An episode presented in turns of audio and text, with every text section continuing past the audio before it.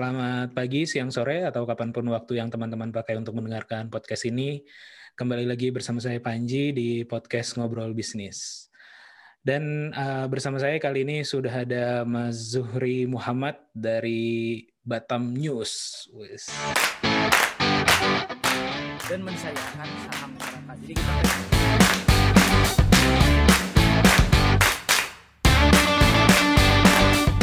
beda sama Jakarta kalau orang Bandung tuh uh, listing investasiin buat sekolah anak golf into something new gitu. Maksudnya kupu-kupu mungkin uh, ayahku tuh satpam gitu kan di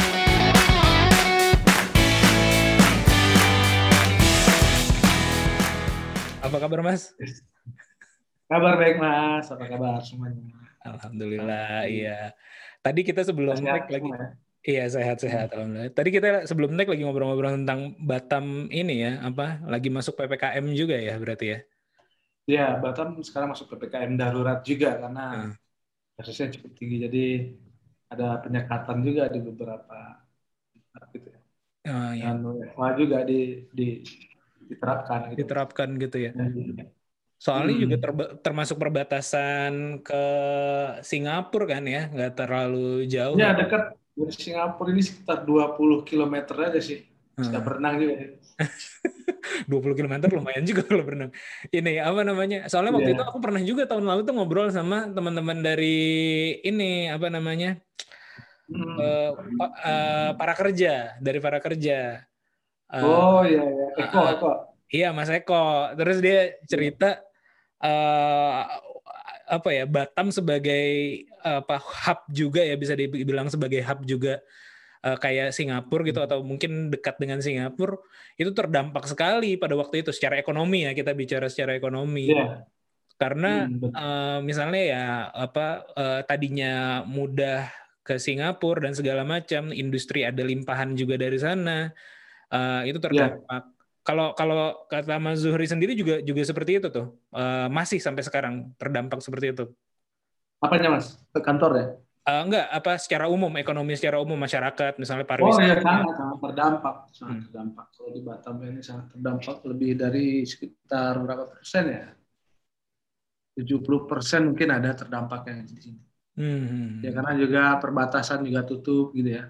iya iya iya iya Eh, Pelabuhan internasional tutup.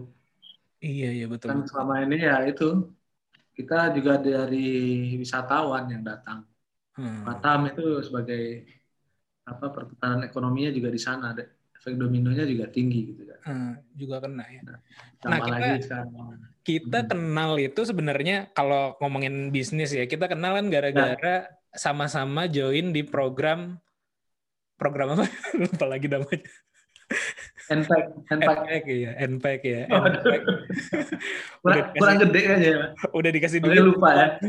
udah nggak dikasih lagi soalnya nah eh, aku di Kiwi. Alumni ya, alumni NPAC. Alhamdulillah, aku di Kiwi dan uh, Mas Zuhri di uh, dari Batam News. Kita sempat tahun ini ya uh, sampai bulan apa kemarin itu April atau uh, Mei kita dapat apa ya semacam kayak insentif lah dari GIZ ya dari Jerman untuk Ya. perusahaan-perusahaan yang berpotensi uh, dan terdampak uh, COVID lah kayak gitu ya kurang lebih. Ya, Heeh. Ya.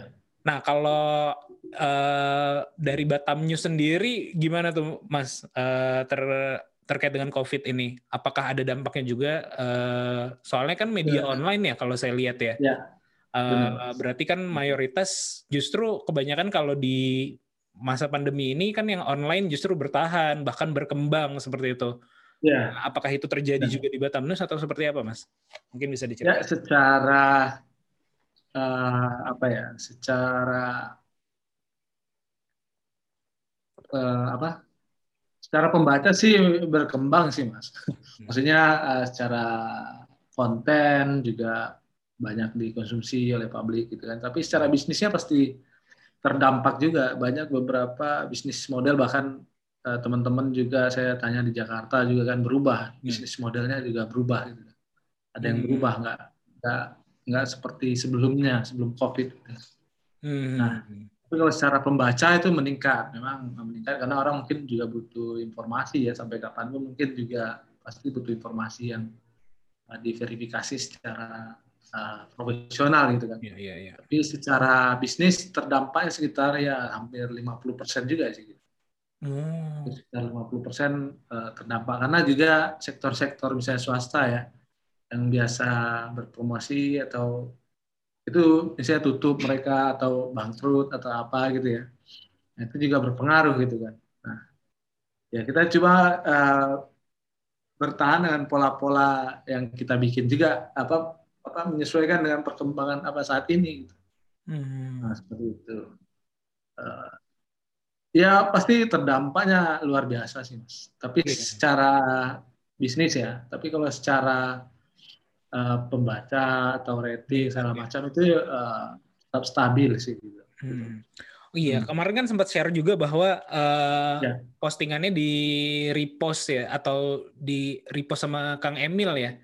Yang Ya di- sempat di repost Kang Emil juga ya kemarin. eh, apa ramai itu juga ini gitu ya, kan. terkait dengan ada ibu-ibu eh ada ibu-ibu ada bapak-bapak itu lucu juga sih. Iya. Iya ada bapak-bapak Kejadiannya di Batam. vaksin takut disuntik vaksin gitu kan sampai meluk uh, nakesnya. Gitu kan. Eh, sama eh, meluk na- nakesnya itu lucu banget. Dan terus diklarifikasi ya oleh Batam News bahwa Nah. itu adalah nakesnya tersebut adalah Nah, anaknya, anaknya ya. anaknya dari bapak itu, kan. Oh iya. Jadi nggak nggak Ya, tapi kan persepsi orang udah banyak nih beda-beda gitu kan. sengaja atau apa gitu cari kesempatan ya Pak. Iya, jadi kesempatan lah apa gitu. Ya biasalah netizen kita ya kan. Iya iya. Tapi Kreatif kreatif. itu kejadiannya di Batam ya. Gimana pak? Kejadiannya di Batam memang. Itu kejadiannya di Natuna, tapi masuk di Pulau Riau juga. Iya, Masih iya. satu provinsi gitu kan. Ah, oh iya iya. iya. Iya itu lucu banget sih. Nah aku pengen nanya nih mas, kenapa ngambil uh, mungkin ya secara tadi ya kalau kita ngomongin bisnis terdampak, uh, kalau secara umum memang bisnis modelnya Batam News ini seperti apa sih sebenarnya? Uh, media online ya, media online secara spesifik nih bisnis modelnya apa aja gitu? Ya, kita mendirikan ini udah dari tahun 2014 mas. Waktu itu Hmm. saya saya sih backgroundnya memang dulu di koran ya, ya di print. Oke. Uh, tapi melihat uh, perkembangan ke depan atau dahulu memang orang nggak familiar dengan media online di Batam. Iya. Sekitar tahun-tahun 2014. Tapi memang kan riset di mana-mana kan menyatakan orang depan orang habitnya akan berubah kan. Konsumsi berita itu tidak hanya tidak lagi di kertas tapi sudah berupa platform. Makanya saya dulu beranikan diri kemudian membangun Batam News ya. Batam News uh, media online di, di Batam. Kami termasuk pionir juga ya untuk uh, pola-pola atau konsep-konsep media online yang yang apa oh, maaf itu motornya kenceng banget. Ah? Sebelah lagi vaksin massal mas. Oh di dekat situ? Ya. Iya, jadi lagi rame. Iya iya. Nah, ya Nggak itu masuk makanya sih, uh, masuk kita sih. berubah, berubah ya kan. Uh, saya memberanikan diri membangun bisnis media online ini. Dan waktu itu memang uh, belum ada mungkin media online yang menyajikan berita yang memang benar-benar dikemas secara profesional gitu ya. Hmm. Mungkin masih ada tapi uh, kemasannya kurang menarik atau kurang bagus. Hmm. Nah, kita hadir, uh, kemudian uh, baru di sana setahun dua tahun kemudian mu- mulai uh, dirasakan oleh masyarakat di Batam bagaimana mengakses informasi dan berita itu secara cepat dan bisa dari mana saja gitu kan. Hmm. Dan akhirnya booming sampai sekarang media online pada bertumbuh kayak jamur gitu kan. Hmm. Jadi nanti kan seleksi alam juga. Nah, bisnisnya ya nggak jauh-jauh beda dengan uh, media lah, media gitu ya. Tetap uh, jasa iklan, kemudian tapi uh, kita juga merambah ke jasa mungkin sejak manajemen pengelolaan media apa media sosial juga bahkan kita ke sana bisnis modelnya juga ke event event juga kan kalau dulu ya event kemudian uh, mengembangkan uh, konsep-konsep apa iklan periklanan yang yang uh, sesuai dengan zaman sekarang gitu mas. Hmm. Misalnya kita juga terjun ke mulai visualnya gitu ya, broadcastnya juga. Walaupun itu platformnya masih menggunakan misalnya ya Instagram, Facebook, uh, kemudian YouTube gitu kan. Hmm. Itu kita kelola dengan dengan apa ya? Kita kelola dengan baik semua platform-platform yang eh, tambahan itu sehingga bisa menjadikan eh, sektor bisnis baru gitu bagi Batam News. Gitu. Hmm. Berarti core core-nya mah advertising ya secara umum eh, ada advertising ada secara umum. iklan Ah. ada apa ya ada perusahaan yang ingin pasang iklan eh, Mm, berpromosi apa ya, ya? pasang istilahnya ya kalau dulu tuh a- eh, nanti bentuk iklannya itu berupa berita atau berupa kayak banner-banner di websitenya gitu mas Ya, berupa banner-banner, kemudian juga berbentuk berita juga bisa, native ad gitu kan. Ik- apa iklan yang tidak seperti iklan lah gitu kan. Tersembunyi gitu kan. iya iya iya iya Dan bisa bentuk video juga bisa gitu ya. Hmm. Jadi banyak jenisnya sih di di di sana juga. Iya, iya. Aku tuh dulu pernah bikin sebenarnya dulu tahun tahun berapa ya? Iya. Tahun 2000 2012 lah dulu tuh. 2012 sam- cuman Hmm. cuman bertahan dua tahun aku waktu itu bikin. Eh, aku dulu Oh, iya. bikin namanya majalah inovasi.com. Jadi sebenarnya walaupun namanya majalah tapi online waktu itu sebenarnya. Distribusinya Oh online. ya. majalah inovasi. Waktu itu sih eh, ceruknya itu spesifik untuk bahas inovasi, teknologi, eh, dan juga bisnis. Kurang lebih kayak gitu, eh, bahas eh, inovasi, bisnis, dan teknologi. Cuman bertahan dua tahun karena waktu itu juga eh, apa ya? Ada timku, eh, aku kan sebagai bisnisnya, timku tuh sebagai editor in chief-nya lah kayak gitu. Nah, Hmm. kita waktu itu eh, berpisah jalan lah ibaratnya kayak gitu, jadi tidak lanjut Oh, iya. lagi kayak gitu. Nah, waktu Iya. itu cuman aku sebagai yang di bisnis waktu itu aku anggapnya juga oke ini kayaknya bisa nih iklan nih atau dulu tuh istilahnya advertorial ya ada apa, Ya betul. eh, penulisan ya. uh, uh, penulisan tapi uh, sublime lah nggak terlalu uh, jualan banget dalam tanda kutip. Ya. Nah waktu itu Hmm. aku ngelihat uh, sangat sulit sih media kecil waktu itu uh, di level aku ya uh, untuk bertahan atau untuk mencoba mencari uh, pendapatan dari iklan Hmm. kayak gitu.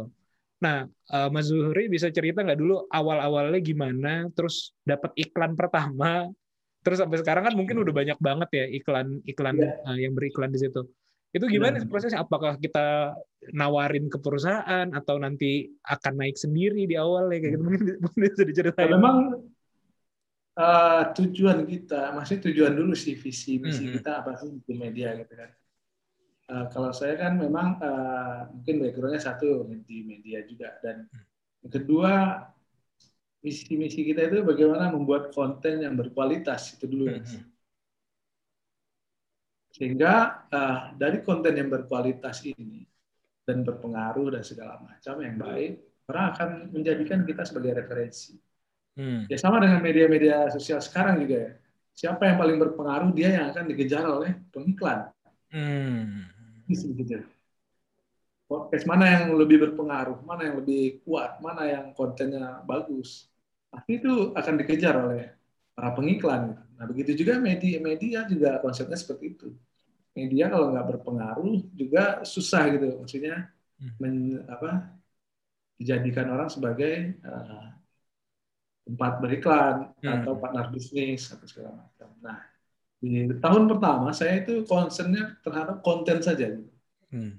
Saya nggak pernah memikirkan bisnisnya, walaupun itu waktu itu berdarah-darah karena memang Hmm. berawalnya dari startup aja sih. gitu. Iya iya.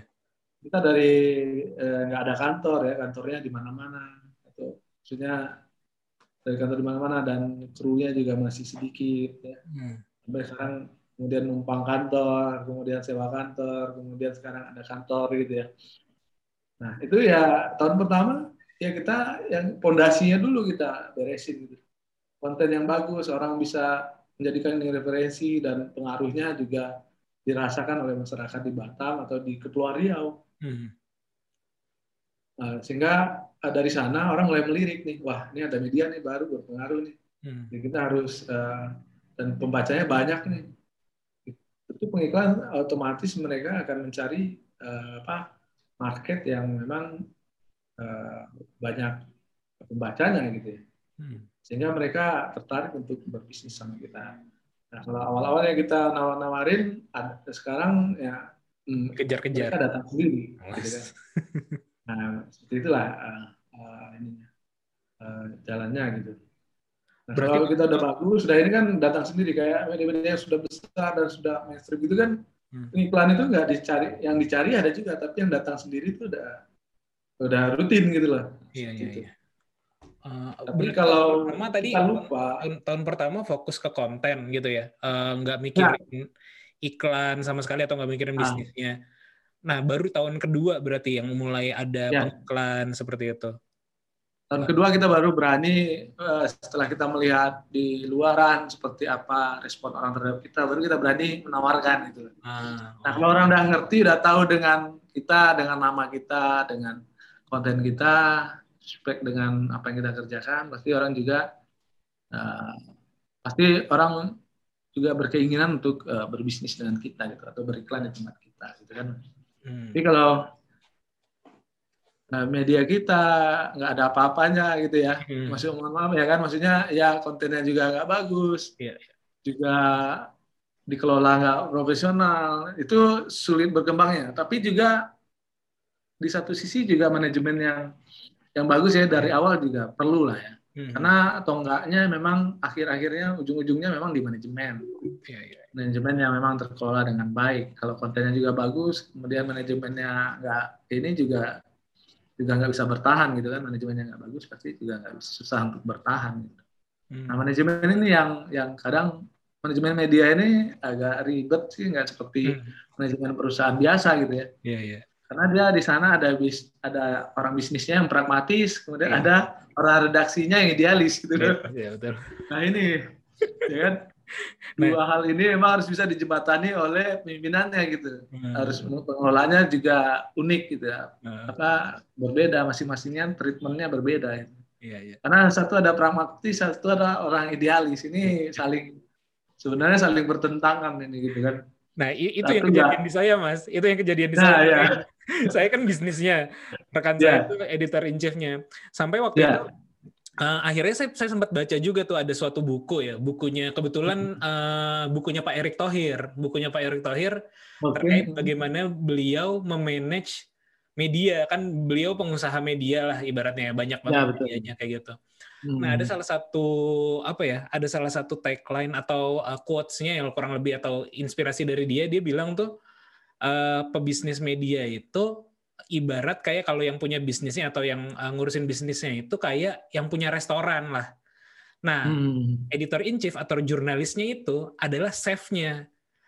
Ya, ya, ya. Tukang masaknya benar. adalah chef-nya gitu. Jadinya orang bisnis eh, nggak bo- nggak boleh ngerecokin makanan, nggak boleh ngerecokin ini garamnya tambahin atau Ya, ya, ya, ya. perintahnya tambahin atau ya dalam Hmm. tanda kutip misalnya kalau kita ngomongin pragmatisme nitip berita lah atau apa segala jadi untuk mer- meru- Ya. mengganggu eh, kontennya gitu ya karena itu urusan Ya, ya. gitu nggak pernah Ya, ada ya. tuh dicampuri kecuali, kecuali memang ya mungkin ada juga yang restoran chefnya juga sebagai pemiliknya dan segala macam kayak gitu Ya, Itu juga- benar, benar memang begitu.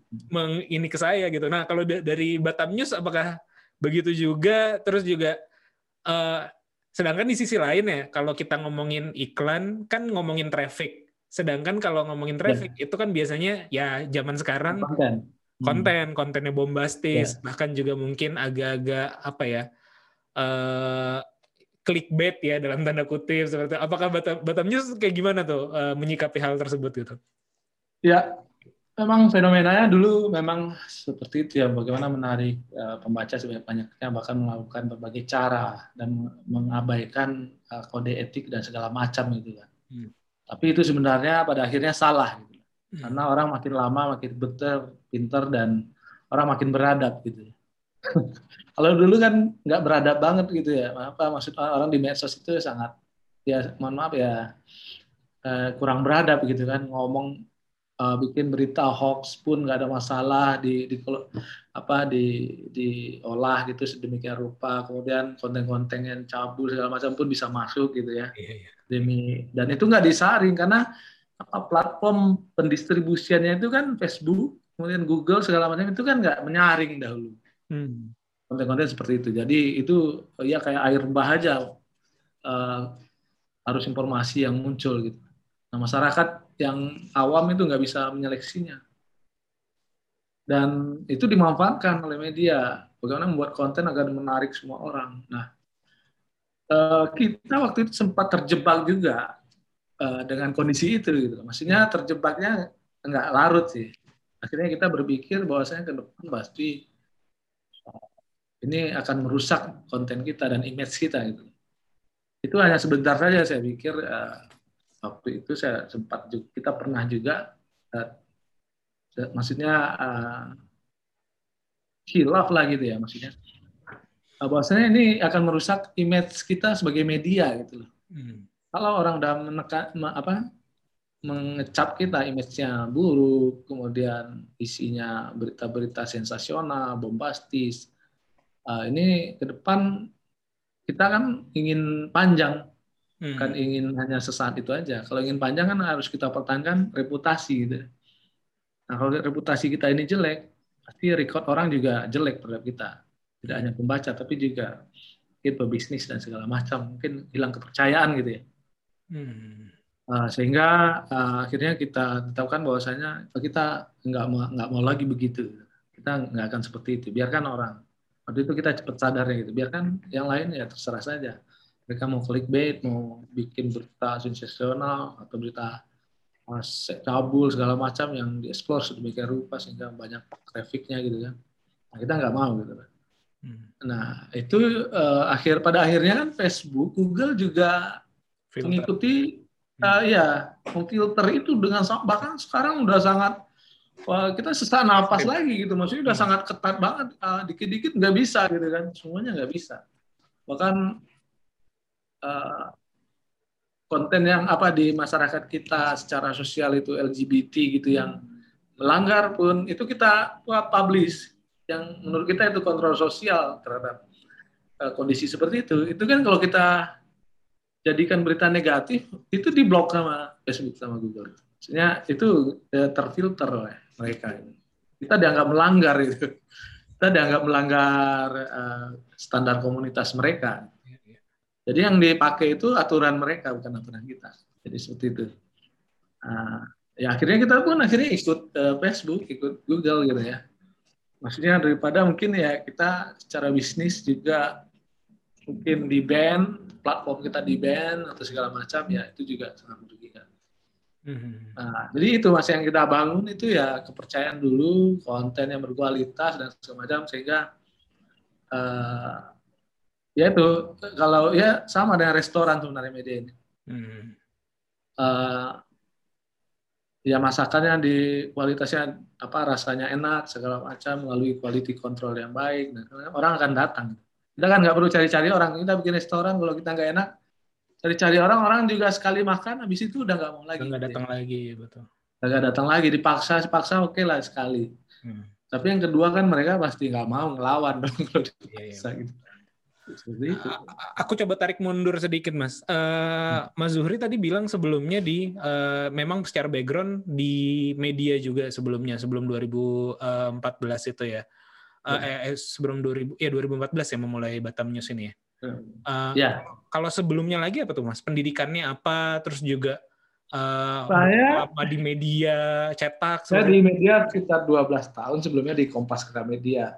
Apa Hmm. maksudnya di grup Kompas ya di Hmm, media di Tribun ya.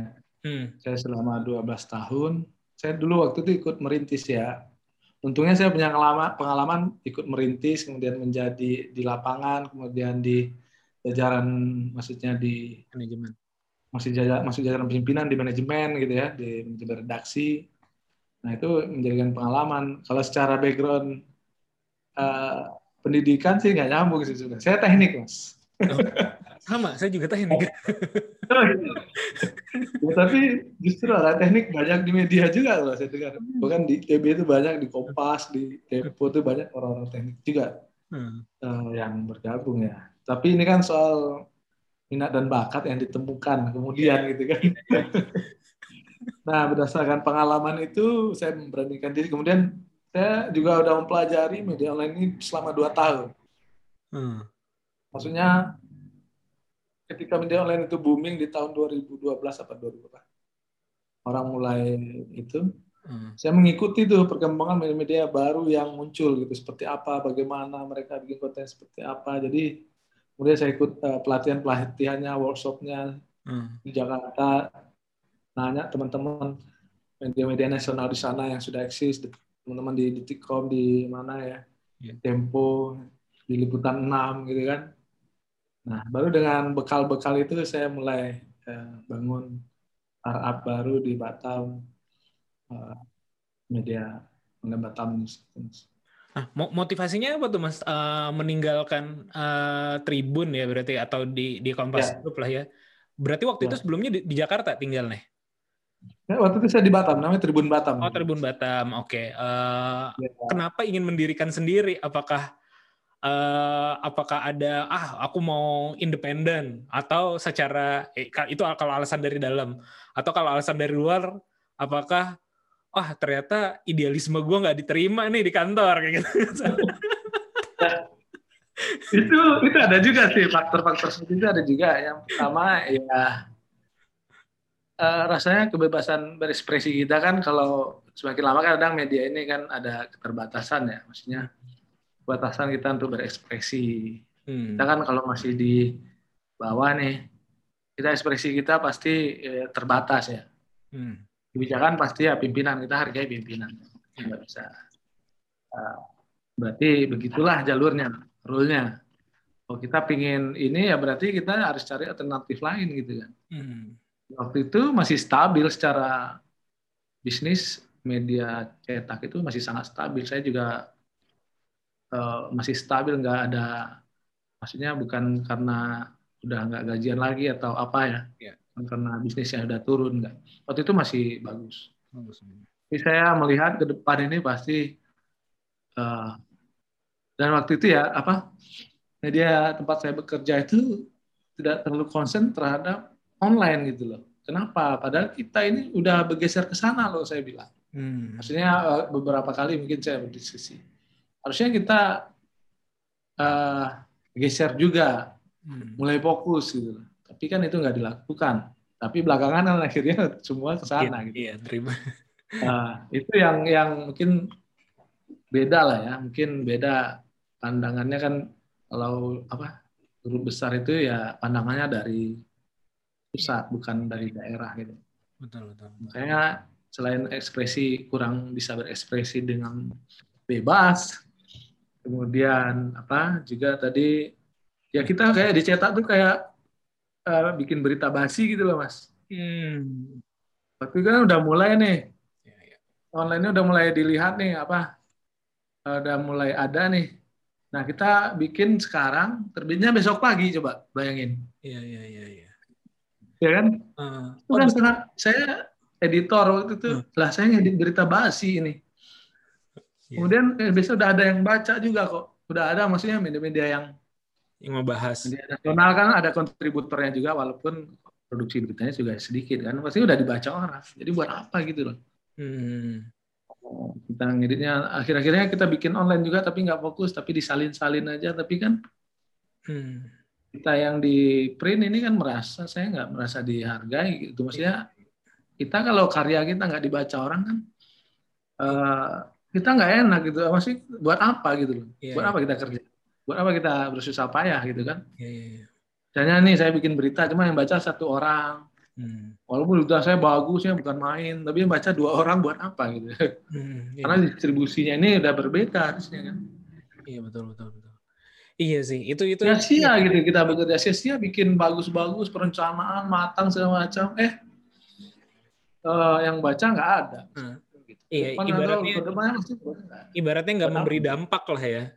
Ya nggak berdampak nggak berpengaruh nggak berimpact Hmm. apa apa kita nggak nggak bisa jadi opinion leader gitu kan. Hmm. ya pasti peran ini akan diambil oleh media online. Nah media online waktu itu belum ada siapa yang menjadi opinion leader. Nah akhirnya saya saya riset riset ini kayaknya masih ada ceruk nih bagus ini untuk membuat media online yang uh, dikelola secara bagus secara profesional dan konten yang berkualitas. Makanya saya berani walaupun nggak ada capital apa venture capitalnya atau kapital besar atau investor ininya gitu kan. Hmm. Saya dulu tawarin juga ke beberapa teman pengusaha kan yang saya kenal. Mau nggak ini support kita mau bikin ini? Ya mereka eh, nawarnya gila-gilaan juga. Kita akhirnya nggak jadi mayoritas itu. Saya nggak mau. Hmm. Eh, ya belakangan justru kebalik gitu kan. Eh, ngejar-ngejar lagi nih. Wah bisa nggak saya gitu? Bisa, bisa seperti itu. Ya karena melihat ya kinerja kita gitu kan maksudnya eh, apa eh, hasil yang kita sudah lakukan. Hmm. Nah, eh, berarti ketika waktu itu kan udah 12 tahun di media, media cetak dalam tanda kutip eh, sebagai pekerja lah di sana, bekerja gitu di sana, baik itu level Ya. jurnalisnya atau di manajemennya. Nah, momen ketika oke tadi ada eh, idealisme yang tidak tersalurkan dan juga melihat potensi online belum terlalu tergarap, secara spesifik mungkin di Ya. Batam seperti itu, lalu memutuskan untuk memulai Batam News. Nah, ini kan Ya, ada perubahan apa ya? Perubahan bukan cuman eh, ya dampak apa pekerjaan lah yang tadinya memang kita eh, secara ekonomi mungkin kita stabil gitu ya, dapat gaji bulanan, rutin dan segala macam. Tiba-tiba Hmm. mengambil peran jadi entrepreneur. Ada beban-beban baru nih. Belum membayar Ya. diri sendiri, membayar karyawan pula, membayar operasional Iya, bisnisnya iya, iya. pula. Nah, waktu itu gimana tuh Mas? Betul. Eh, perjalanannya Oh, tuh? Secara mental setelah 12 tahun anak istri bagaimana tuh apakah ada ada komplain ya, bener banget itu. Ini yang yang ujian yang sangat berat itu. Ya, ya. ujian mempertahankan memutus- idealisme ya Ya kita memutuskan dari yang mapan kan, kemudian menjadi anti kemapanan. Maksudnya ya saya juga berdiskusi dengan istri ya bagaimana kira-kira kita dua tahun ini bisa hidup nggak dengan tabungan yang ada gitu kan. Hmm. Kalau seandainya ini gagal gitu kan, saya udah prediksi begitu. Hmm. Ya ini kosong aja nih, seandainya ini gagal terus nggak ada hasilnya dua tahun ini kita mati nggak gitu kan, Hmm. nggak makan atau gimana? Oh kayaknya masih bisa gitu kan. Oke, Eh, saya akhirnya saya jalanin dan memang di awal kita bentuk tim kecil aja, lalu sampai sekarang ya karyawan sekitar 20 lebih ya mas. Hmm. Nah, itu seluruh di provinsi di Kepulauan Riau sudah ada kontributor kita semua, wartawannya sudah ada juga, juga di bisnisnya juga sudah ada. Nah, memang eh, nah itu hal yang sangat berat dalam hidup saya memang ketika membangun Batam di sini karena apa ya? Yang dahulunya kita bekerja, saya hanya bekerja dulu sekitar 4 jam aja per hari loh. Hmm. Nah, secara efektifnya ya. Ngedit udah selesai berapa itu layout segala halaman udah terbit udah selesai. Yang lain kerjaan orang lain gitu. Hmm. Nah, ini saya menjadi 24 jam itu nggak cukup sehari gitu waktu itu merintis itu. Maksudnya nggak cukup. Saya siang malam itu membangun konten apa itu mikirkan dan segala macam itu sampai begitu gitu. Sampai nggak tidur, sampai itu ah, pokoknya orang nggak boleh lihat kita tidur gitu. Jangan sampai kita kelihatan tidur gitu kan. Sampai saya bilang sama istri, paling saya nih coba kalau saya begini terus nih, saya bilang kan, saya butuh waktu sekitar setahun dua tahun aja nih begini. Nanti saya akan banyak waktu buat keluarga, saya bilang gitu. Ya artinya mungkin sudah running, dah ini udah oke. Eh rupanya malah masih malah nambah banyak ini kerjaan.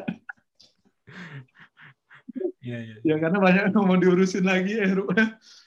Ya akhirnya ya tiga tahun kita bisa bertahan dan bisa running dan akhirnya bisa apa maksudnya manajemennya udah bagus dan ini kan ya sudah bisa dilepas lah istilahnya ya. Kalau dulu kan saya redaksi nggak berani lepas di bisnis masih masih dengan ketat kita terjun langsung dan sekarang kan nggak kayak dulu lagi kita ikut terjun langsung di dalamnya sebagai editor juga gitu kan. Nah, kadang nulis berita masih juga dulu gitu. Nah, jadi bahkan belum lagi menghadapi masalah ya, masalah yang nggak pernah kita hadapi, misalnya di dalam mengelola ini, dalam mengelola manusianya. Hmm. Kemudian apa? Muncul masalah bertubi-tubi tidak hanya dari kantor, kita udah mulai naik nih, muncul masalah mungkin di keluarga yang protes, kemudian di lingkungan yang lainnya begitu. Wah, itu waduh Nah, benar juga kata orang nih kalau jadi pengusaha gini bisa-bisa bunuh diri ini kalau nggak kuat gitu. betul betul. Iya. Iya benar, benar banget. Saya mikir-mikir ada yang ngomong gitu kan, ini benar banget. Ini kalau nggak, waduh, ini bisa gila gitu lah. Eh, Ya artinya udah bisa gila gitu kita. Kita bukan siapa-siapa, bukan punya uang yang banyak, gitu kan bangun bisnis, kemudian ngelola orang. Yang dulu kita gajian, santai-santai aja terima gaji gitu. Sekarang kita nggak gajian nggak apa-apa, yang penting orang gajian gitu kan. Yang penting uh, bawaan karyawan gajian gitu kan. Hmm. Sampai begitu yang kita pikirkan. Nah seperti itu. Apa-apa kita nggak dapat, yang penting ini perusahaan berjalan terus. Gitu. hmm. Lalu kita dapat dari perusahaan bukan untuk diri kita, tapi bagaimana mengembangkan perusahaan yang kecil ini gitu kan. Jadi ada perkembangan gitu dari hari ke hari atau dari tahun ke tahun gitu kan. Kalau kita buat sendiri mah uh, ya kita udah berkelebihan gitu loh mas. Hmm. Maksudnya buat sendiri gitu loh. Tapi kan kita berharap dari yang kita dapat ini bagaimana mengembangkan SDM-nya, infrastruktur dan uh, kualitasnya semuanya pasti kita perbaiki walaupun sekarang kan belum sempurna lah gitu ya. Hmm. Maksudnya belum ada apa-apanya lah mungkin dibanding yang lain. Hmm. Iya iya. Ya obrolan-obrolan kayak gini memang hanya bisa kejadian tuh antar pebisnis sih sebenarnya. Jadi makanya saya memulai bikin podcast ini juga Iya. salah satunya tuh begitu gitu. Saya pengen Iya. pengen apa ya menyeimbangkan Iya, mas. iya. Jadi kalau sekarang kan apa ya entrepreneurship tuh lagi eh, jadi barang Gitu-gitu. apa ya dirayakan banget lah ya. Maksudnya Iya, iya. benar. semua orang pengen jadi entrepreneur. Teman-teman saya Iya. pun yang udah kerja di kantoran, ah kayaknya gue mau resign deh kayak gini gini gini gini gini. Hmm. Tapi kebanyakan mereka hanya melihat uh, indah-indahnya aja gitu kan, hanya Iya, oh iya waktunya bebas kayak gitu ya. Misalnya tadi gue tadinya normal kerja 4 jam sehari Iya, sampai 4 jam, empat jam sehari, cuma sehari. 24 jam jadinya gitu. Dan seminggu, Sabtu Minggu mah tetap juga kita gitu. Iya, saya hampir nggak pernah libur. Saya mungkin Iya. kalau liburnya Sabtu Minggu tetap ke kantor walaupun nggak ada kerjaan saya tetap kantor misalnya. Atau apa hari Minggu saya tetap ke kantor gitu kan karena memang masih beroperasi kan. Iya iya. Ya kayak gitu. Kecuali memang ada yang urgent banget mungkin saya nggak ke kantor atau Iya iya. gitu. Iya. Jadi Sabtu Minggu pun nggak ada waktu misalnya. Nggak Ya seperti itu gitu. lah. Iya. Iya makanya saya pengen pengen menyeimbangkan itu banyak teman-teman yang mau Iya. apa tapi eh, nggak tahu apa ya kerja kerasnya gitu kerja kerasnya bahwa Iya. membangun ini tuh memang eh, berat lah seperti itu atau perlu perlu waktu. Nah tapi kalau dari sisi eh, pencapaian ya eh, setelah berjalan kerja keras itu kalau menurut Mas Zuhri ini nggak apa namanya puas nggak terhadap hasilnya hingga saat ini gitu terbayar Nah, nggak sih itu pekerjaan 24 jam, 7 hari seminggu itu. Ya secara urusan saya sangat plus banget lah ya. Maksudnya secara batin juga Happy lah ya. sekarang yang dulu kita ya happy lah. Hmm. Dulu kita hanya memikirkan kita, sekarang Hmm. kita bisa memikirkan orang lain juga. Eh, kita bisa bermanfaat lebih luas bagi orang lain gitu ya, bagi masyarakat, bagi eh, teman-teman kita yang di kantor juga. Nah, itu keputusan tersendiri dan saya yakinlah selama, selama kita masih mau berusaha pasti masih ada jalan lah Iya. untuk eh, tetap bersama kita di bisnis gitu kan. Hmm. Teman-teman juga dalam kondisi sesulit apa pun. Gitu. Iya, iya, iya, iya. Nah itu sangat ya jauh lebih inilah maksud saya saya juga nggak nyangka kenapa bisa begini gitu mungkin ya jalannya udah sampai di udah dikasih jalannya lah begitu ya tapi walaupun dulu memang punya keinginan seperti ini maksudnya uh, usaha sendiri ya segala macam tapi ya saya juga nggak menyangka saya bisa seperti ini gitulah sekarang ya mungkin ya, ya juga memang butuh kerja keras dan keras banget lah gitu Maksudnya saya bilang juga ke teman-teman juga kalau kita cuman kerja keras juga nggak ada maksudnya juga nggak jaminan buat sukses mas. Iya. Ya kan? Kerja keras itu nggak jaminan buat sukses tapi setidaknya 50-50 nih. Sudah ada jaminan 50-50 lu bisa sukses lu bisa nggak. Hmm. Tapi kalau lu kerja gila aku nggak yakin lah 50-50 gitu. Kita kerja gila nih. Makanya aku dulu kerjanya agak gila juga sih sebenarnya, agak masuk akal juga itu. Kok bisa sampai hampir 24 jam bekerja gitu kan mungkin istirahat cuma tiga jam atau berapa itu kan udah gila gitu loh Hmm. udah nggak mikirin apa-apa lagi tuh nggak mikirin kadang keluarga nggak terpikirkan cuma kerjaan karena merintis kan beratnya nah apalagi kita nggak nggak nggak kerja keras kerjanya cuma biasa-biasa aja. Ya pastilah sudah nggak jadi apa-apa kita saya bilang. Begitu juga sama tim juga saya kasih motivasi seperti itu. Sama diri saya juga begitu kan. Ya kita kerja orang kerja keras saya nih nggak jaminan dia sukses gitu. Ada juga gagal. Tapi kalau kerja agak keras lagi agak gila mungkin Naik lah. bisa jadi lah ini 70 persen lah naik lah ya kan. Standarnya jadi naik 70 persen lah kesuksesan kegagalannya 30 persen gitu Betul, betul. jadi uh, rumusnya gitu aja saya Uh. Rumusnya gitu aja tapi mungkin ya dengan modal mungkin ya pengalaman segala macam itu juga juga nggak lupa gitu.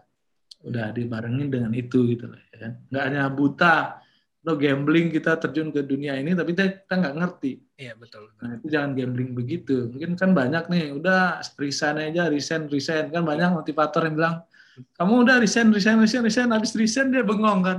Ngapain? Saya juga heran tuh motivator kok ngomongnya begitu gitu. Hmm. Kan banyak orang mungkin nggak bisa menerjemahkan seperti apa gitu lah. Hmm. Ya suruh resign, resign, resign, resign aja dari kerjaanmu, resign lah. Kamu nggak usah bekerja keras di tempat kerjamu. Nanti kalau kalau kamu nggak ada juga ada yang gantiin itu kan yang salah itu apa Mindsetnya ya. Mindset yang salah kok ada motivator akun-akun motivasi kok ngomongnya begitu Hmm. saya heran mas saya dulu juga kerja Hmm. saya dibebani kerjaan misalnya dulu kerjaannya cuma satu dibebani dua saya terima aja tuh tiga inilah masa belajar saya saya bilang Hmm.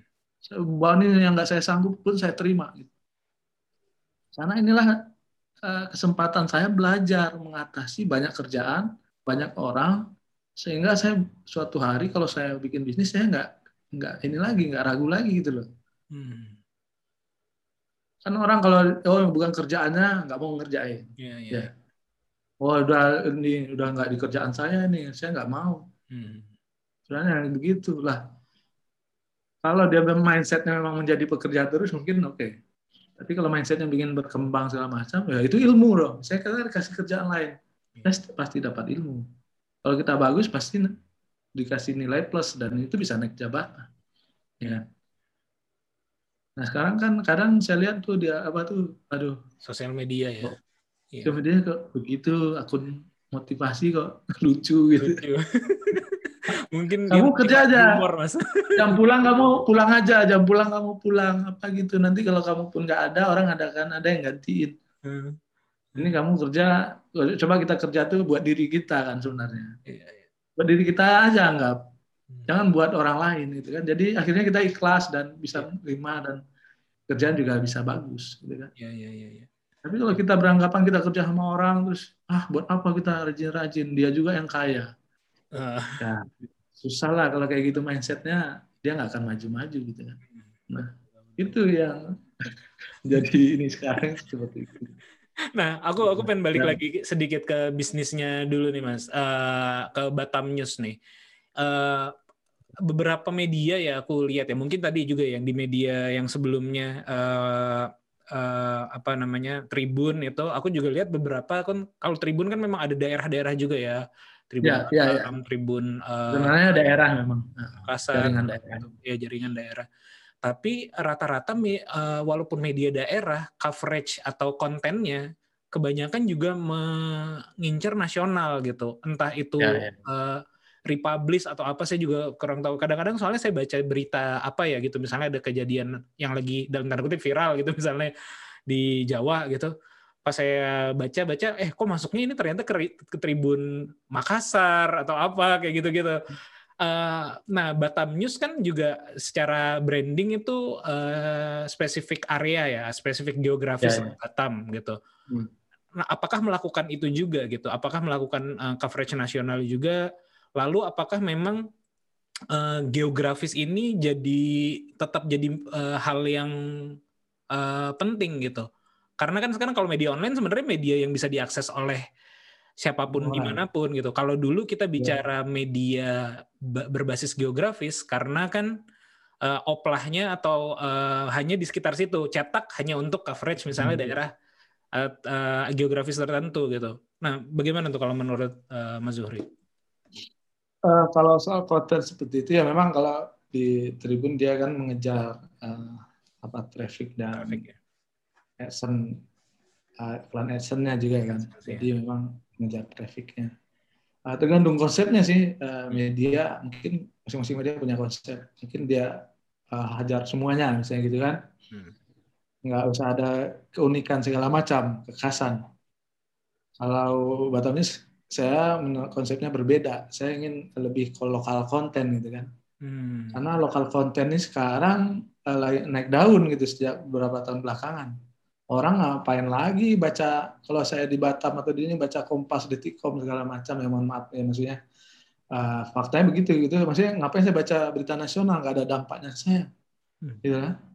Anggota DPR sana apa ngapain ah, buat apa sama orang Batam. Sekalipun mungkin presiden cuma kunjungan ke mana bukan ke Batam ya buat apa gitu Hmm. gitu kan? Iya. Orang Batam pinginnya ya tahu bagaimana perkembangan sekarang di Batam, bagaimana ekonominya, bagaimana eh, ininya eh, kejadian apa yang terjadi di Batam, lebih kedekatannya seperti itu gitu. Makanya sekarang orang bikin media nasional itu sangat sulit Hmm. karena buat apa saya baca berita nasional saya yang di daerah gini gitu loh. Hmm. Selain Jakarta saya buat selain dari orang Jakarta saya ngapain baca berita media nasional. Kontennya nasional semua menteri ini apalah rapat paripurna nggak ada efeknya ke Hmm. mereka Hmm. ya kan. Mending saya bikin buat berita lokal walaupun itu jajanan pinggir jalan ini enak sekali itu eh, orang lebih ini sekarang. Nah itu diikuti oleh Instagram sama Facebook sekarang Iya, iya, iya. iya. dia lebih mengedepankan algoritma lokal. Maksudnya yang terdekat, yang terini, yang dekat sama akun yang ini, terdekat daerah dia aja dimunculin. Gak dimunculin lagi sama mereka akun-akun yang nasional ke kita, yang di daerah. Nah, itu akhirnya kan ya memang akhirnya seperti itu, Mas. Hmm. Jadi media nasional itu hanya pelengkap aja ya. Mungkin kalau ada isu-isu yang besar lah ya. Pergantian kekuasaan. Apa itu memang akan dikonsumsi. Wah itu siapa pun pasti berkepentingan. Misalnya pilkada, pemilu, apa kayak ini segala macam itu oke. Tapi kalau yang untuk isu lokal konten ya mereka ya nggak bisa gitu kan. Hmm. Eh, mereka buat apa? Ada yang media lokal yang lebih paham secara karakter masyarakatnya, karakter wilayahnya, itu kan pasti lebih memahami. Hmm. Kontennya pasti juga akan lebih dekat dan lebih, lebih intim lah gitu dengan Iya. masyarakat sekitar. Makanya saya lebih pede aja. Kalau saya diajak orang untuk bikin media nasional, saya nggak nggak tertarik. Tapi kalau bikin media lokal di seluruh provinsi, saya tertarik gitu. Hmm. Saya ada investor nih, ayo kita bikin media nasional, nggak tertarik saya. Hmm.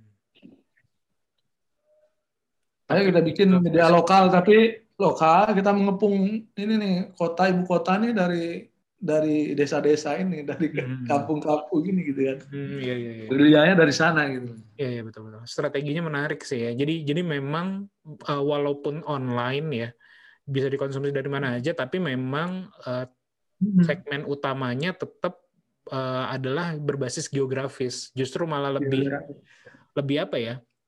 Ibaratnya ya, lebih segmented ya. Memang benar-benar langsung Bisa ke gitu. ya. Ya ada juga nah, teman bikin media itu khusus game aja. Jadi Hmm. gamenya eh, khusus game aja dia nggak mau ke berita-berita lain. Ini malah dapat investor gede dari Hong Kong Iya, iya. Nah, sampai 10 m lah gitu ya, Hmm. satu juta dolar gitu dia dapat. Karena emang yang dibutuhkan tuh ke segmented Pasar. itu mas. Iya, betul, Ya. betul, betul. Ya pasarnya jelas gitu. Hmm. Iya, dan kekhasan Jadi itu bu- bukan cuma tadi daerah ya, bisa jadi kalau tadi game gitu contohnya, Hmm. atau bisa jadi Ya apa tidak namanya hanya daerah saja ya. tema-tema lain ya, seperti itu ya. Iya, Bina raja bisa olahraga saja itu Hmm. justru lebih bagus sebenarnya. iya, iya, iya, iya, iya, betul betul. Itu kan dia. Hmm. Nah kalau kalau sedikit ngomongin konten tadi juga saya tertarik juga tuh masalah yang Facebook eh, ngefilter atau juga Twitter ngefilter.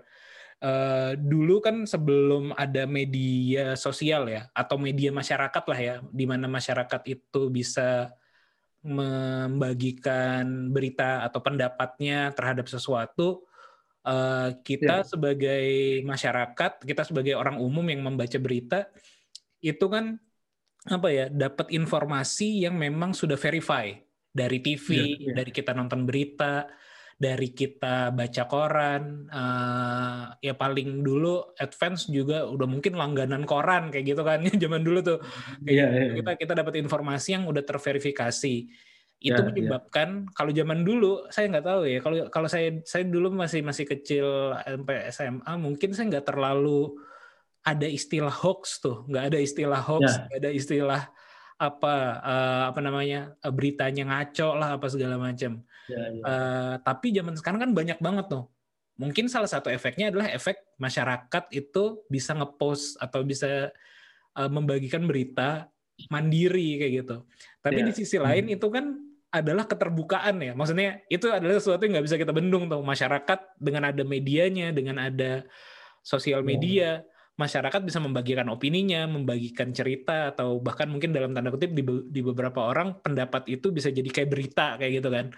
Uh, itu gimana tuh mas menanggapi itu dilemanya? Kita kita sering terpapar informasi yang tidak terverifikasi, uh, itu masalah. Tapi kalau kita kembali ke zaman dulu, di mana terlalu terverifikasi, semuanya terlalu lewat media mainstream, itu jadi nggak terbuka kan uh, informasi seperti sekarang benar, gitu. Benar. dilema dilema seperti itu gimana tuh mas tanggapannya terhadap itu? Nah itu mungkin uh bedanya media dengan media sosial. Hmm. Nah, orang kalau media sosial kan orang siapa saja bisa membuat uh, informasi ya berita, tapi mereka kan tidak dilengkapi dengan instrumen yang yang benar. Maksudnya instrumen yang yang ditetapkan. Misalnya kalau media dia kan sudah terikat oleh undang-undang dan kode etik gitu kan. Hmm. Nah, uh, yang kemudian bagaimana kalau masyarakat itu juga sudah paham kode etik, sudah mengerti. Hmm. Nah, nah itu baru dia mungkin uh, bisa di hampir disamakan. Dia punya kompetensi nih misalnya. Misalnya saya seorang jurnalis senior lah, freelance. Saya bikin konten misalnya di mana uh, pasti orang kan percaya karena saya juga mantan jurnalis, saya juga paham kode etik, saya paham undang-undang pers, paham undang-undang ITE segala macam yang kira-kira nanti bisa terhindar dari itu gitu.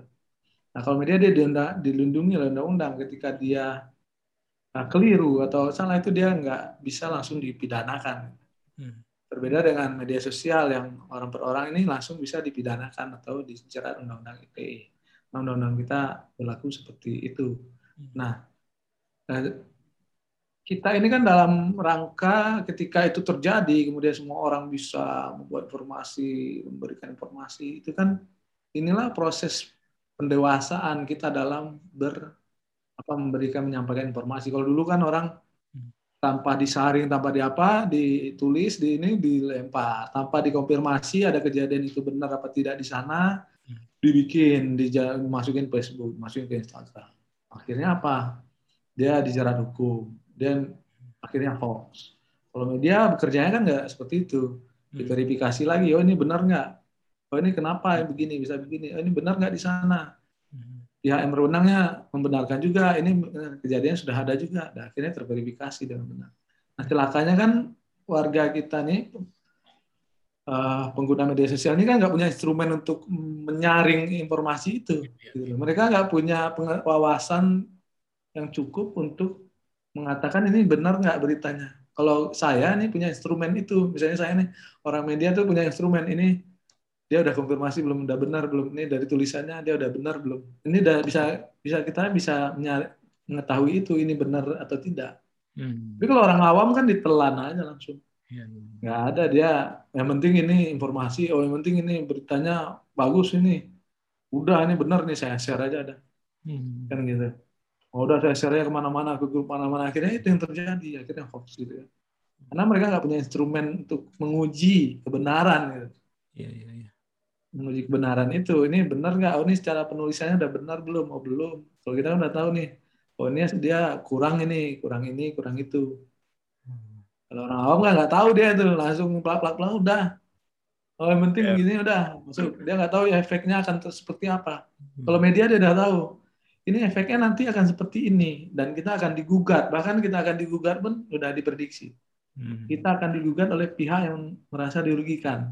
Hmm. Ketika kita digugat, kita udah bikin seperti ini dan udah memenuhi semuanya aman. Hmm. Artinya nggak akan bermasalah dengan hukum. Nah itu udah ada instrumen itu kita punya gitu. Sama kita kan kalau polisi ketika penjahat kalau mau nekam nih gimana harus gimana itu udah tahu. SOP. Kalau orang awam kan nggak tahu. Hmm. Gimana dia harus membuka pistolnya, kapan dia menembak, kapan dia itu udah tahu kan. Kalau orang awam kan nggak tahu kapan dia nembak, udah tembak aja ke mana-mana, udah tembak, semua orang ditembak. Hmm. Ya kan? Kalau dia nggak punya ilmunya kan gitu. Iya. Dia dikasih pistol, udah kamu dikasih pistol, kamu coba aja jadi seorang polisi kan gitu. Hmm. Pasti begitu ada penjahat, bukan hanya penjahat yang ditembak dia, warga pun ditembak dia, Hmm. semua yang dikeliling dia rasa-rasa mengancam dia ditembak dia. Iya. Gitu, gitu kan. Tapi kalau udah paham dia kapan siapa yang mau di dilumpuhkan, kapan waktunya itu kan ya harus tahu gitu. Jadi nggak brutal gitu. Iya, Itu sebenarnya yang terjadi mas. Nah makanya orang harusnya paham melihat, oh ini kalau yang membagikan ini siapa, orangnya siapa sih? Oh ini berkompeten dia. Oh dia seorang dokter, bukan seorang pemusik. Gitu kan? seorang dokter ngomong soal eh, COVID, ya mungkin kita masih percaya. Hmm. Itu aja kadang banyak salahnya juga dokter kan.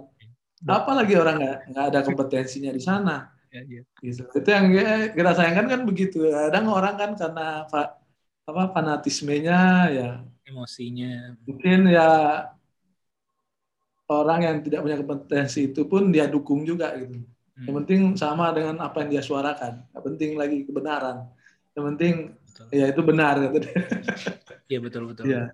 Saya saya jadi ini sih Gitu. apa? Ya bet- betul ya. Mungkin salah, salah satu keywordnya adalah berarti eh, kaitannya dengan apa ya? Literasi ya, literasi masyarakat Ya, terhadap reaksi masyarakat.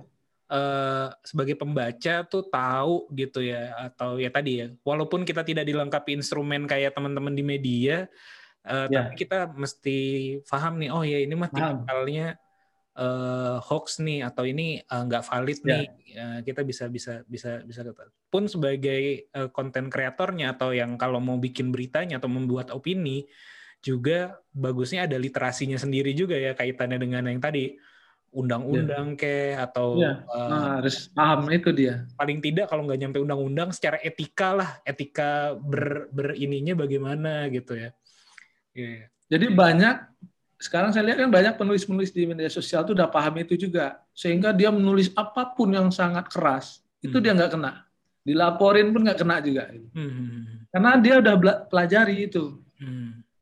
udah pelajari instrumen-instrumen tadi sehingga dia mau dilaporin ke mana pun ke mana pun nggak nggak nggak bisa dijerat oleh hukum Iya iya iya. iya. tapi konteks dia tuh saya nyampe gitu Hmm.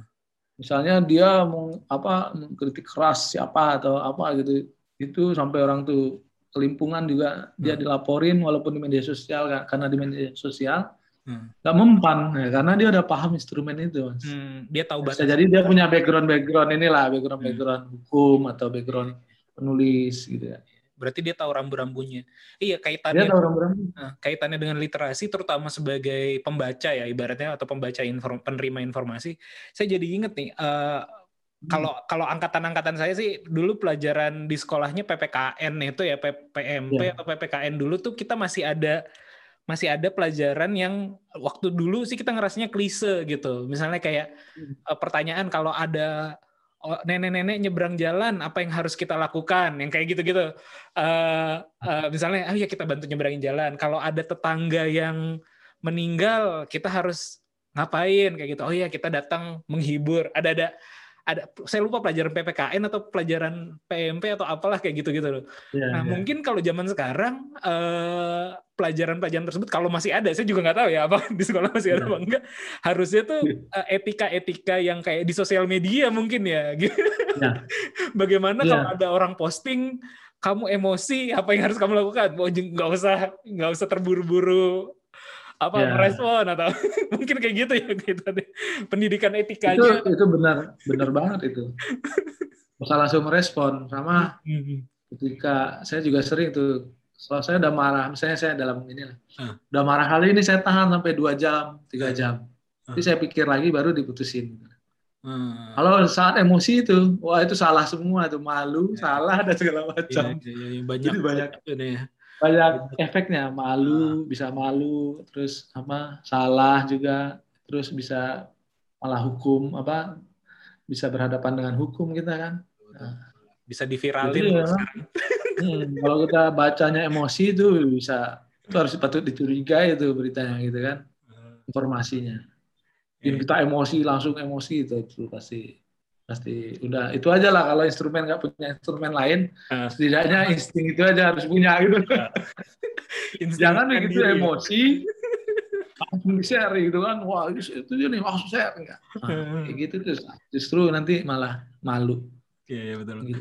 Ini kita waktunya udah udah satu jam eh, lebih. Mungkin ada aku ada dua pertanyaan terakhir deh untuk untuk Ya, gimana? ya yang eh, pertama mungkin eh, mungkin agak sedikit balik lagi ke bisnisnya ya. Ini kan eh, Batam News media online gitu. Aku agak penasaran sedikit sama operasionalnya sih mas. Maksudnya dalam konteks misalnya, apakah itu ada target misalnya per hari harus berapa konten, harus berapa tulisan eh, agar tetap apa ya, tetap relevan, agar tetap aktual kayak gitu-gitu, atau memang eh, diwajibkan seperti itu apa nunggu berita aja? Oh ya ini kayaknya lagi ada yang rame, baru kita liput nih atau Ya. bagaimana tuh mas? Kalau profesional seperti itu memang eh, pekerjaan kan biasanya ada target, Hmm. target ada juga. Dan eh, kalau dulu saya memang eh, kita masih quantity. Karena memang belum bisa diharapkan quality waktu di awal-awal gitu. Maksudnya kita masih merintis dan segala macam. Nah belakangan saya berharap kan bagaimana kita memproduksi nggak apa-apa. Satu konten yang berkualitas dibanding 10 konten yang eh, yang nggak ada apa-apanya gitu. Hmm. Satu konten yang berkualitas dibaca 10.000 orang. Hmm. 10 konten yang biasa aja dibaca 1.000 orang. Ya. Ya mending yang satu aja. Ngapain kita menghabiskan energi Hmm. bikin 10 itu habis energi, waktu segala macam kita capek ke sana sini sana macam itu kan. Hmm. Padahal dengan satu konten aja kita uh, bisa bagus. Jadi akhirnya memang kalau dulu mungkin target harus lima berita atau segala macam atau 10 berita ya sehari. Ya kita sekarang mungkin ya lima berita tapi berkualitas loh, gitu aja. Yang memang berita per, per orang. jurnalis gitu ya, per per jurnalis. Per jurnalis. Ya, biasanya ada target begitu. Kalau di media nasional itu bisa sampai satu orang sampai 15 berita sehari gitu, wajib segitu. Karena mereka mengejar traffic kan, apa update segala macam. Itu yang dikejar. Tergantung mau ngejar apa ini kan gitu. Eh, Saya jadi Ah, ada mereka pertanyaan, ya? pertanyaan turunannya nih. jadi nambah Ya. sedikit. Ada pertanyaan turunannya. Eh, kan ada beberapa media juga, media nasional ya, atau media ini yang sifatnya tuh sekarang lebih kayak apa ya? Mungkin bisa dibilang kayak eh, deep journalism ya. Misalnya Ya. kontennya mungkin saya nggak tahu sih secara jumlah apakah banyak juga, tapi saya lihat konten-kontennya tuh panjang. Eh, Ya. lebih dalam lah beritanya gitu. Eh, Benar, sebut saja misalnya kayak Tirto atau segala eh, ada beberapa Ya. lainnya gitu. Itu lebih deep kita ngerasanya ketika baca. Apakah eh, itu nanti bisa jadi masa depan juga gitu atau memang tergantung em, kecenderungan dari si medianya juga ya itu beda-beda ya. Ada juga yang pendek-pendek Ya. kan, banyak yang pendek yang kuantitasnya banyak gitu-gitu ya. Ya itu tergantung kembali kepada masyarakatnya mas. Hmm. Masyarakat kita mungkin belum siap dengan, eh, tapi ke depan itu masa depan. Tapi sekarang itu belum siap gitu loh, maksudnya gitulah ya. Nah, mampu nggak kita me- apa maintainnya sampai masa depan itu gitu.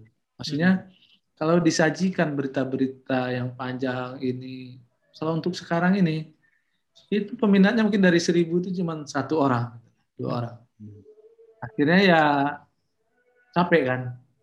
Effortnya itu luar biasa loh itu. Masih bikin berita segitu tuh harus riset, nulisnya juga nggak main-main, nggak boleh salah segala macam itu zero inilah kesalahan. Nah itu butuh banyak sementara pembacanya sedikit.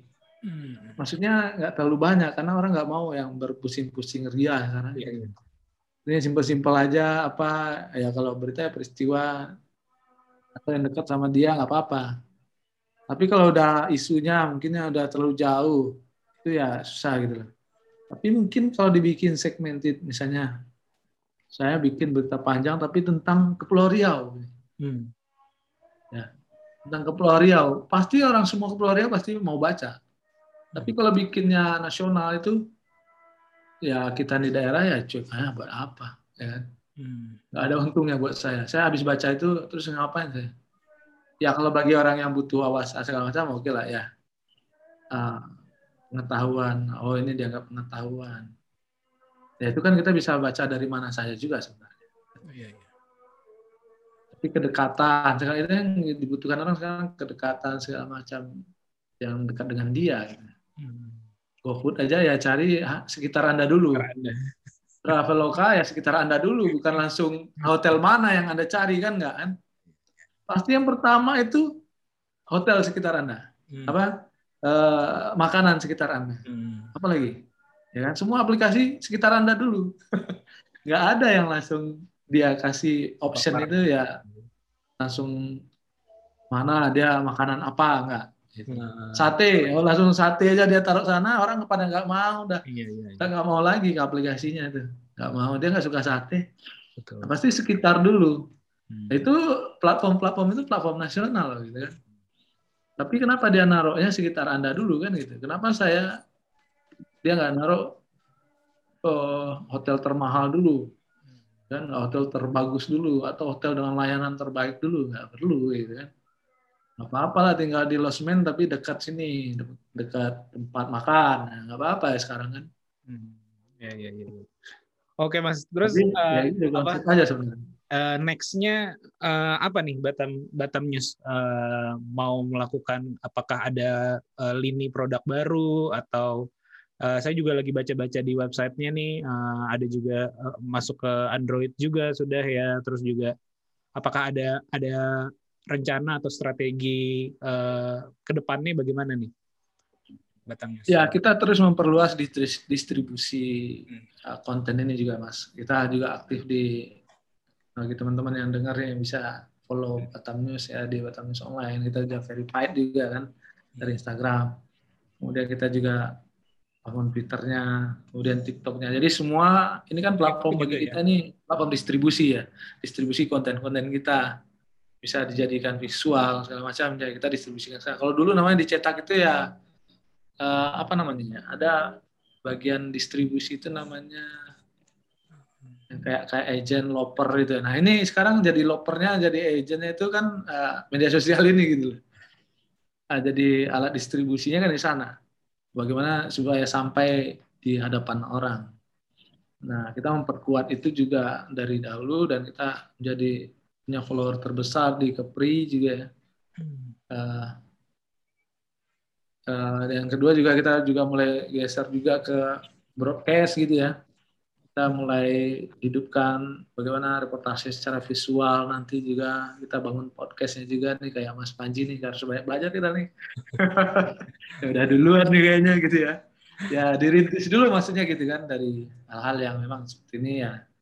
Nanti kan kita udah paham, udah mengerti, kita bisa lebih kelola lebih monetasinya lebih bagus gitu kan bisa bisa cuan juga lah setidaknya gitu. Iya, iya. Nah, bisa jadi nanti ke depan kita geser juga ke TV digital misalnya kalau kita udah siap di infrastruktur dan SDM-nya di kontennya juga seperti itu kan. Tapi tetap di apa irisan-irisan yang sama lah gitu mas Hmm. dan meningkatkan teknologi-teknologinya yang lain lah gitu. Hmm. Gitu. Ya sambil menunggu venture capital juga ini mas. Iya. Karena kan butuh butuh itu ya, maksudnya kita punya banyak ide pun mungkin duit kita nggak nyampe buat mengembangkan itu juga, makanya banyak ya orang juga butuh investor gitu ya. Hmm, betul betul betul. Karena juga untuk mengembangkan ide-idenya yang ada itu, nggak mungkin nggak cukup dengan uangnya sendiri kalau dipakai ya mungkin ya nggak cukup misalnya seperti itu. Hmm, Iya. Eh, begitu mas. Iya iya iya. Ya, mudah-mudahan eh, apa yang Iya. diinginkan tercapai, ide-ide barunya gitu juga dan juga investment eh, sebenarnya dekat sama Singapura. Coba disenggol ke Singapura Iya, gitu.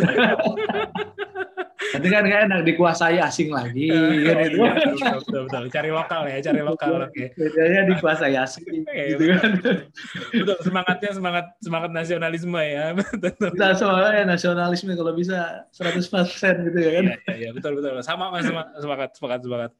Oke, Jadi eh, gan- gantian lah nanti kita- saya yang interview juga nanti Mas Tanji. siap, siap, kiwi ya kan. Siap, siap, siap. Siapa tahu bisa dipakai di Batam juga ya kan. siap, siap, siap, siap. Oke, aku tutup Oke, dulu ya Mas. Mas ya. Eh, Sama-sama Mas, terima kasih ya udah. Ya, terima kasih eh, Mas Zuri atas sharing-sharingnya. Ya. Eh, banyak banget manfaatnya nih buat eh, yang dengerin juga. Terima kasih udah mendengarkan sampai akhir. Eh, semoga obrolan kita ada manfaatnya. Eh, sampai ketemu di podcast Ngobrol Bisnis episode selanjutnya. Assalamualaikum. Bye. Waalaikumsalam.